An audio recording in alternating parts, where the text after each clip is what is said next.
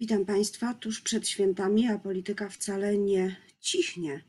E, tym bardziej, że e, cały czas e, męczy nas i dziesiątkuje. Czwarta fala pandemii. Umierają, umiera codziennie wiele osób, chorują także małe dzieci, trafiają do szpitala z zajętością płuc nawet do 80%, a tu jeszcze do tego przedświąteczna inflacja i trochę zmieniające się sondaże e, poparcia dla partii politycznych, bo umacnia się Platforma Obywatelska. Ciekawe, czy to wpływa na pozycję i na sytuację także na lewicy. O tym wszystkim będę rozmawiała już za chwilę z moim gościem, Zuzanna Dąbrowska. Dzień dobry.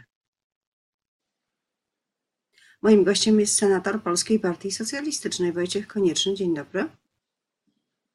Dzień dobry, witam panią redaktor, witam państwa. Zacznę od y, pandemii. Jest pan dyrektorem szpitala, ma to pan, można powiedzieć, na głowie e, bez przerwy, pewnie w równym albo większym stopniu, jak y, politykę. Jak wygląda sytuacja u pana w Częstochowie? Znaczy sytuacja, y, oczywiście już porównujemy ją z poprzednimi falami, bo już mamy doświadczenie, więc ta fala druga była groźna, bo chorował personel i to było no, bardzo niebezpieczne dla szpitala, dla pacjentów, dla personelu. E, w tej trzeciej fali już zachorowań personelu tak nie obserwowaliśmy, ale ona była bardzo liczna, bardziej liczna niż, niż poprzednia. No i teraz mamy czwartą falę, która z punktu widzenia naszego szpitala wygląda nieco spokojniej, to znaczy jest mniejszy e, natłok ludzi na sorze, którzy mają dodatnie wyniki i ciężki stan. Natomiast to jest jedyne takie, co jest, nazwijmy to, odmienne w, tym, w, tym, w tą lepszą stronę, bo poza tym to niestety ta fala charakteryzuje się tym, że chorują młodsi ludzie, chorują ciężej i nagle się pogarszają. I lekarze, którzy bezpośrednio opiekują się pacjentami, mówią, że ta fala jest bardziej mm, taka nieprzewidywalna, bardziej yy, złośliwa dla, dla pacjentów i to jest yy, niepokojące. No ale y, jeżeli chodzi o ilość zachorowań tutaj w Częstochowie i w okolicy, jest ona nie taka duża, jak była poprzednia. Natomiast dzisiaj mimo wszystko musimy jeden z oddziałów znowu przekształcić w oddział covidowy. Właśnie dzisiaj się to dzieje, bo w województwie śląskim jako całości jednak ta sytuacja jest trudna i, i tutaj dostaliśmy polecenie wojewody, żeby jednak zwiększyć ilość łóżek covidowych. Także y, no to jest jedna strona medalu, a druga jest taka, że nadchodzi ten wariant Omikron i tutaj mam bardzo duże obawy, czy jesteśmy w ogóle w jakikolwiek sposób przygotowani na to, co się ma wydarzyć. E, to znaczy, no, w dużej mierze nie jesteśmy przygotowani, ponieważ e, no, nie, ma, nie ma odpowiednich obostrzeń, nie ma mm, obowiązku szczepień, nie ma tego, co powinno nam zapewnić e, ochronę, a jednocześnie ochronę szpitali. przed y, taką dużą ilością pacjentów, więc. Jeszcze chciałam zapytać mhm. O tę sytuację w szpitalu. Jaki oddział, ilu ma Pan pacjentów covidowych, ilu można się spodziewać i który oddział przestanie funkcjonować ze względu na to, że trzeba go przekształcić? I czy to jest problem dla innych pacjentów? No, oczywiście, że to jest wielki problem. E, teraz przestanie funkcjonować oddział urologii w szpitalu, to znaczy pacjenci urologiczni będą zaopatrywani w ramach oddziału chirurgii, ponieważ tam będą e, oni e, ulokowani, tam lekarze urolodzy będą ich doglądać. I, no bo to jest jedyna urologia na 600 tysięcy mieszkańców, więc no nie możemy zaprzestać jej działalności.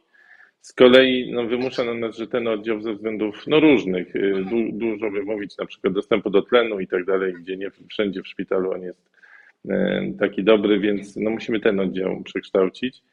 Y, przekształciliśmy na przykład oddział gruźlicy i chorób płuc, także ci pacjenci również nie są zaopatrywani. To już można powiedzieć bardzo długo, bo ten oddział od października do czerwca był oddziałem covidowym, teraz znowu od listopada jest znowu oddziałem covidowym, także nie zdążyliśmy nadrobić tego, co nie było diagnozowane, nie było leczone przez tyle miesięcy i znowu jest e, ten oddział przekształcony.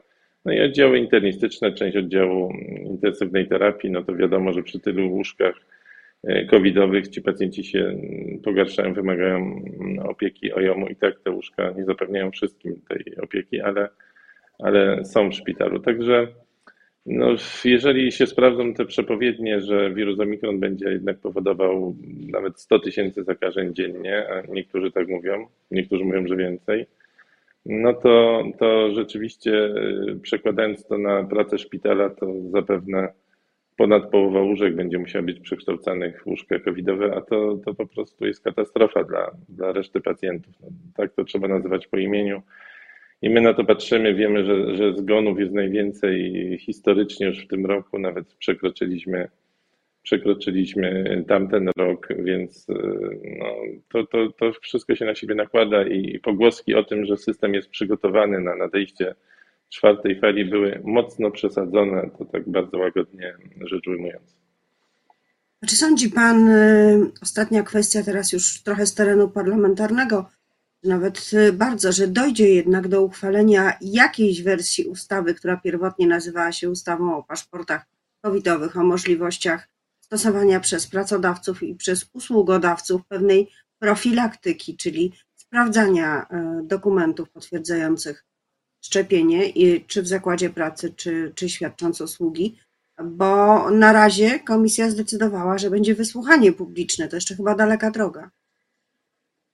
No to jest takie poszukiwanie, mm, znalezienie odpowiedzialnych nie tam, gdzie oni powinni być. To znaczy, odpowiedzialni za podejmowanie decyzji to są premier i minister zdrowia w tej sytuacji. I oni powinni wydawać rozporządzenia, e, ewentualnie proponować ustawy, które w trybie pilnym czy bardzo pilnym powinien uchwalać parlament. E, I tego nie robią. Szukają usprawiedliwienia. Być może e, czekają na większą ilość zgonów, większą ilość zakażeń i wtedy mówiąc, że to jest taka konieczność, której wcześniej nie można było przewidzieć, chociaż wszyscy ją przecież przewidujemy, e, no trzeba tutaj zastosować jakieś rozwiązanie i to jeszcze najlepiej rękami opozycji, żeby to opozycja wniosła jakiś projekt i tak dalej. No, pani redaktor, Ale jeszcze w ten sposób. liczbę zgonów? Czy... Czy pani senatorze, między 500 a 600 zgonów dziennie to jest jeszcze za mało? To jest strasznie dużo. To jest ogromnie dużo. To jest y, po prostu katastrofa. No, no, trudno to określić, ale widocznie mm, tutaj, tutaj jest strach przed oddaniem władzy. Y, Prawo i Sprawiedliwości z jakiegoś powodu wprowadzanie obostrzeń, wprowadzanie przepisów antykowidowych, takich jak są w Europie czy na świecie, kojarzy się z utratą władzy. Oni mają takie bezpośrednie połączenie, że jeżeli to wprowadzimy, to utracimy władzę. I strach przed utratą władzy jest tak duży, że przykrywa ten strach przed, no nie wiem jak to powiedzieć, odpowiedzialnością, przed, przed tym, że społeczeństwo wystawi rachunek w wyborach za te zgony.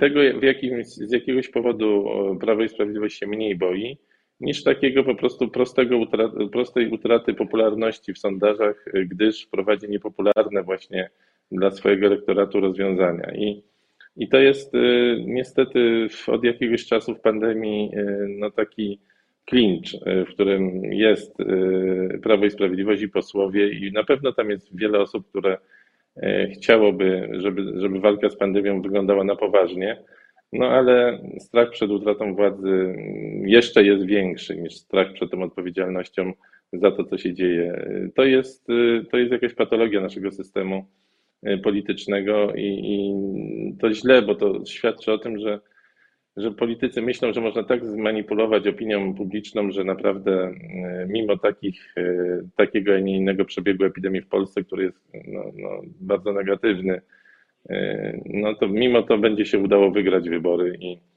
i, i to ciągle, ciągle to pokutuje chyba od momentu tych wyborów prezydenckich, kiedy pandemia zeszła na drugi plan i wyszła na pierwsza polityka i tak jest cały czas do tej pory i nawet te 500-600 zgonów. Ja pamiętam już, żeby nie przedłużać, ale pan minister Niedzielski kiedyś powiedział przy 75 zgonach, że to jest jednak bardzo niepokojące i trzeba przedsięwziąć wszelkie możliwe środki. Dzisiaj jest załóżmy 575 zgonów i sytuacja się normalizuje, słyszymy, jest nieco lepiej i tak dalej, i tak dalej. No, no, jako lekarz w ogóle nie mogę tego komentować, bo, bo nie spodziewałem się, taki, że, że takie czasy przyjdą i tak tego rodzaju komentarze będę słyszał od osób odpowiedzialnych za system. No to zależy, jaką kto normę pewnie zakłada, ale chciałabym przejść do tej bezpośredniej polityki, bo ostatnio pan mocno namieszał, panie senatorze, na tej scenie. Powołał pan e, koło parlamentarne PPS, trójka posłów, e, no i senatorowie Gabriela Morawska-Stanecka i pan. E, Zapowiedział Pan też, że Tak. koło się będzie rozszerzać, no ale y, te osoby, które weszły do PPS mają w większości poglądy raczej mocno liberalne, a nie socjalistyczne. Jak Pan to chce pogodzić politycznie? Pani redaktor, e, to jest tak jak w każdej innej partii. Jeśli ktoś, partia jest, jest organizacją e, dobrowolną. Jeśli ktoś chce do niej wstąpić, zapoznaje się ze statutem, z deklaracją ideową, programową, e, z uchwałami Rady Naczelnej i przyjmuje tą linię lub nie. Ja tutaj nikogo nie ciągnąłem za uszy, że mm, słuchajcie, musicie się stać socjalistami i tak dalej, tylko akceptujecie lub nie to, co jest napisane. Jeżeli akceptujecie, podpisujecie się swoim podpisem, od tej pory musicie rzeczywiście tego przestrzegać, bo zapisaliście się do partii, no jak w każdej partii. E, Oczywiście jest dyskusja, są jakieś tam różne małe rozbieżności, to też w każdych partiach takie, taka sytuacja ma miejsce. A dwie osoby się nie zapisały do partii, gdyż uznały, że y, powiedzmy nie zgadzają się w 100%, może się zgadzają w 80% czy, czy coś koło tego i nie będą się zapisywać. To też jest y, możliwe, ale chcą te ideały promować. Uważają, że, że to jest dobra droga po lewej stronie sceny politycznej. PPS i jego, jego historia, jego ideały, jego, jego w ogóle zasady działalności i pewna bezkompromisowość. Więc e, postanowiły działać w tym kole i mm, za to szacunek. E, Cieszę się, że, że też zaufały nam jako, e, jako środowisku, że, że mogą swoimi nazwiskami również nas reprezentować i, i w pewnym sensie no, zaryzykować, bo dla nich to była oczywiście pewna zmiana duża życiowa, no, ale ją podjęli i w tej chwili albo są w Polskiej Partii Socjalistycznej, albo są w kole i, i ja się z tego cieszę i to jest e, dosyć normalna sprawa. Cieszę się też, że nie opuścili e, lewicy jako takiej, bo pragnę tutaj przypomnieć, że, że stan posiadania po lewej stronie e, parlamentu pozostał bez zmian. Tutaj nie ma jakichś wrogich przejęć, jak następują czasami, że, że posłowie odmieniają swoje poglądy o 100% i, i nagle właśnie z, z posłów lewicowych robią się posłami koalicji rządzącej i tak. Tutaj takiej sytuacji nie ma, to jest, to jest e, normalna sprawa i, i koło powstało i cieszę się bardzo. Panie senatorze, ale teraz to z Panem e, musi negocjować zapewne e, choćby marszałek Senatu e, w, sprawie, w sprawach dotyczących Paktu Senackiego, w sprawach wspólnych inicjatyw. Może już negocjował przy mm, zgłaszaniu członków do Rady Polityki Pieniężnej. Nie wiem, to zmienia mm, układ na tej tablicy szachowej, takiej na planszy, gdzie, gdzie, się przesuwa różne elementy. E, y, Rzeczywiście ten układ został e, naruszony i nie wiem, czy może Pan liczyć na pokojową współpracę z Włodzimierzem Cza- Czarzastym. On nie wybacza łatwo takich, e, no pewnie z jego punktu widzenia zdrad. No, pani redaktor, po pierwsze tak, rzeczywiście, e, jeżeli chodzi o Radę Polityki Pieniężnej, to, to były tutaj rozmowy, negocjacje, w których uczestniczyłem. E, Jeśli chodzi o inne sprawy, no do tej pory e, w klubie wtedy parlamentarnym Lewicy sprawy senackie były dosyć odłożone na bok. Tak trzeba sobie powiedzieć, że mało się interesowano tym, co się dzieje w Senacie. Bardzo tak sejmocentrycznie patrzono na, na, na to, co się dzieje. I moim zdaniem to był błąd, ponieważ e, rzeczywiście wpływ lewicy na Senat, no, siłą rzeczy akurat tego podziału głosów, który jest, no jest duży. E, Nawet oczywiście e, bardziej wielki niż, niż nasz udział dwóch osób w, w, w, skali 100, ale no, tak się ułożyły głosy i tak to wygląda. I to nie było wykorzystywane.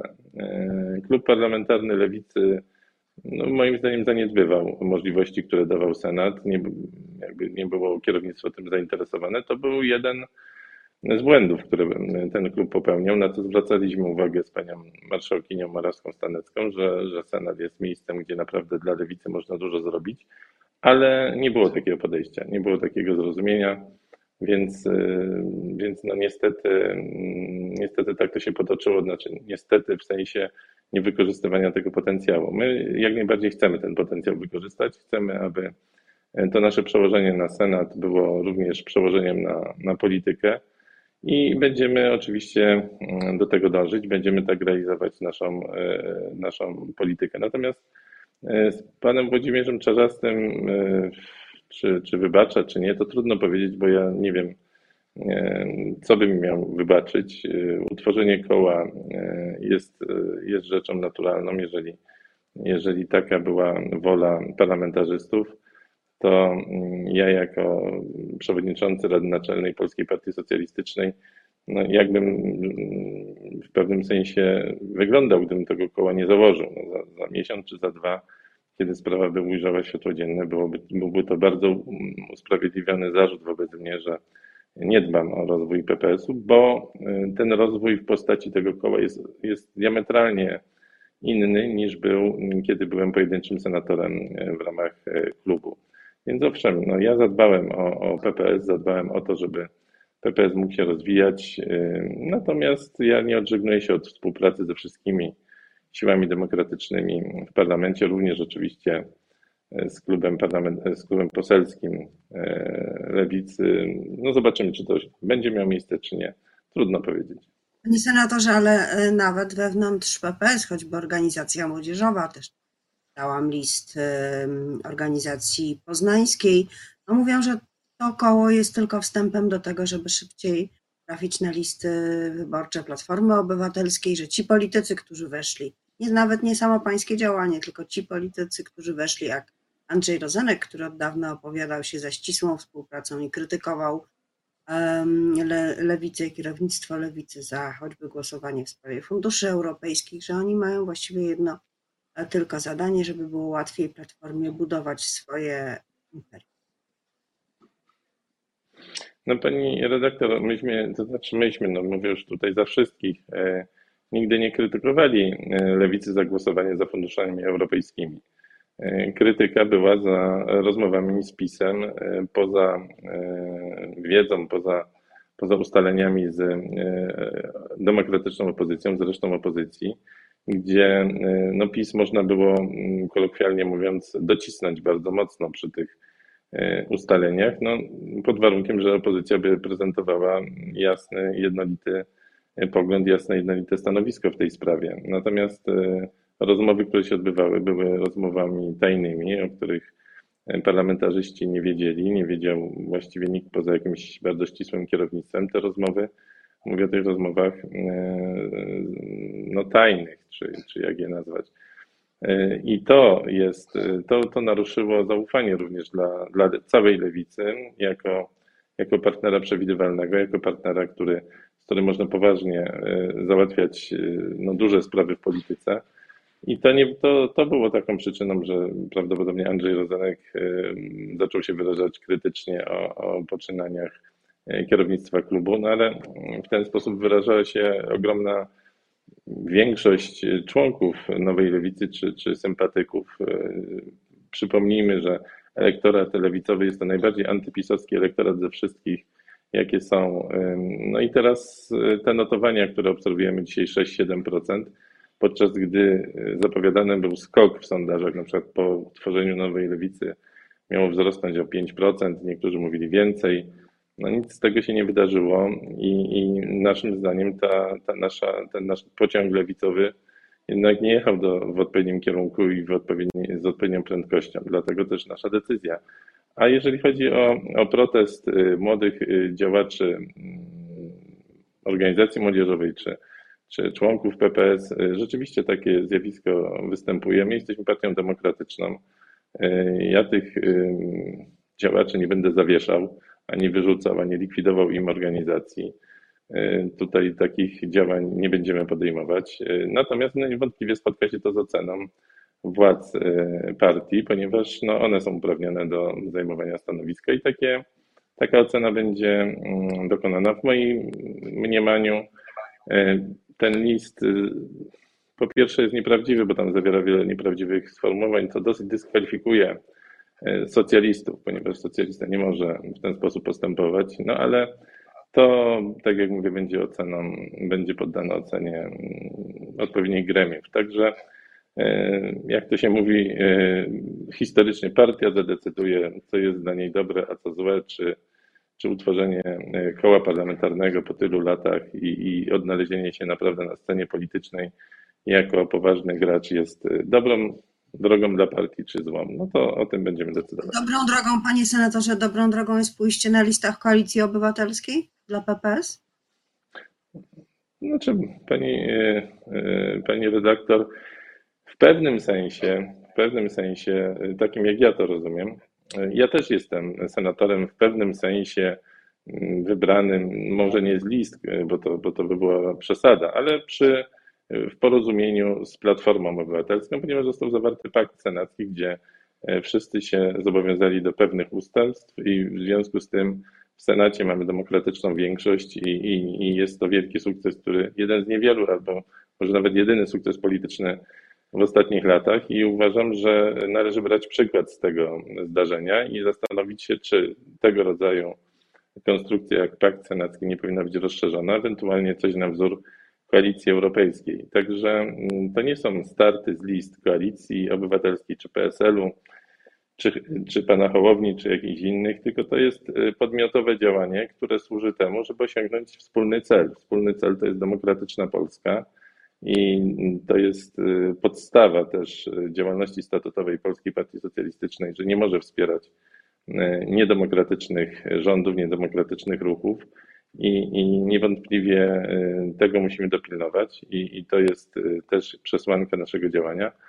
Ale o, o startach w wyborach, jakby my byśmy myśleli o startach w wyborach, to prawdopodobnie rzeczywiście ktoś z nas odnalazłby się na jakiejś innej liście, być może, a ja bym może po prostu no, nie podejmował takiego ryzyka, jakie podjąłem, bo, bo, bo też jeżeli by chodziło o stołki, to niewątpliwie ten nasz ruch nie jest ruchem, który idzie w kierunku tego, żebyśmy uzyskali dla siebie coś. To, to nie jest e, ten typ myślenia i, i jakbyśmy tak myśleli, to byśmy pewnie postępowali inaczej. Czeka Pan na następnych uciekinierów od Włodzimierza Czarzastego? Zapowiadał Pan w dniu powołania, że koło się będzie poszerzać. Zapewne będzie się poszerzać. E, czy czekam? No, spodziewam się ich, dlatego że dlatego że to jest dla mnie naturalne, naturalny proces, który będzie postępował. No, ilość osób niezadowolonych ze stylu sprawowania władzy przez, przez kierownictwo Nowej Lewicy no jest, jest bardzo duże. Wiemy o sytuacjach takich, że na przykład cała organizacja warszawska została rozwiązana, więc o ile mm, podobne nastroje panują w klubie, ja wiem, że panują to, to pewnie jakieś, jakieś wydarzenia się e, dokonają. Natomiast tak jak na początku mówiłem, tutaj trzeba e, po prostu zgodzić się z naszym statutem, zgodzić się z naszymi deklaracjami ideowymi, programowymi, stwierdzić, że się chce e, to realizować, wtedy oczywiście jest droga wolna do, do PPS-u. Ewentualnie do, do klubu parlamentarnego, no to już no nie, nieco innych, ale tylko nieco innych zasadach więc y, czekam na ochotników, dlatego że, że na pewno nie będzie tutaj kupowania za miejsca na listach, za, za jakieś profity, ponieważ my tego nie oferujemy. My oferujemy ideały lewicowe, ideały socjalistyczne i, i taką prawdziwą, bezkompromisową lewicowość. No i, i demokrację, to, że, że po prostu zarówno w partii, jak i w całej Polsce powinna demokracja dominować. I kto będzie takie mm, poglądy e, też prezentował i postanowi coś zmienić w swoim postępowaniu, to oczywiście e, mile przywitamy i pewnie takie osoby będą. Dziękuję bardzo. Albo w 100%, albo w 80%. Trzeba się zgadzać ze statutem i programem. Bardzo dziękuję panie senatorze za tę rozmowę. Wojciech Konieczny. Nie, niech, to będzie, nie, niech to będzie 80. 80 to jest dużo. Dziękuję bardzo. Mi się zgadzam. Dziękuję bardzo.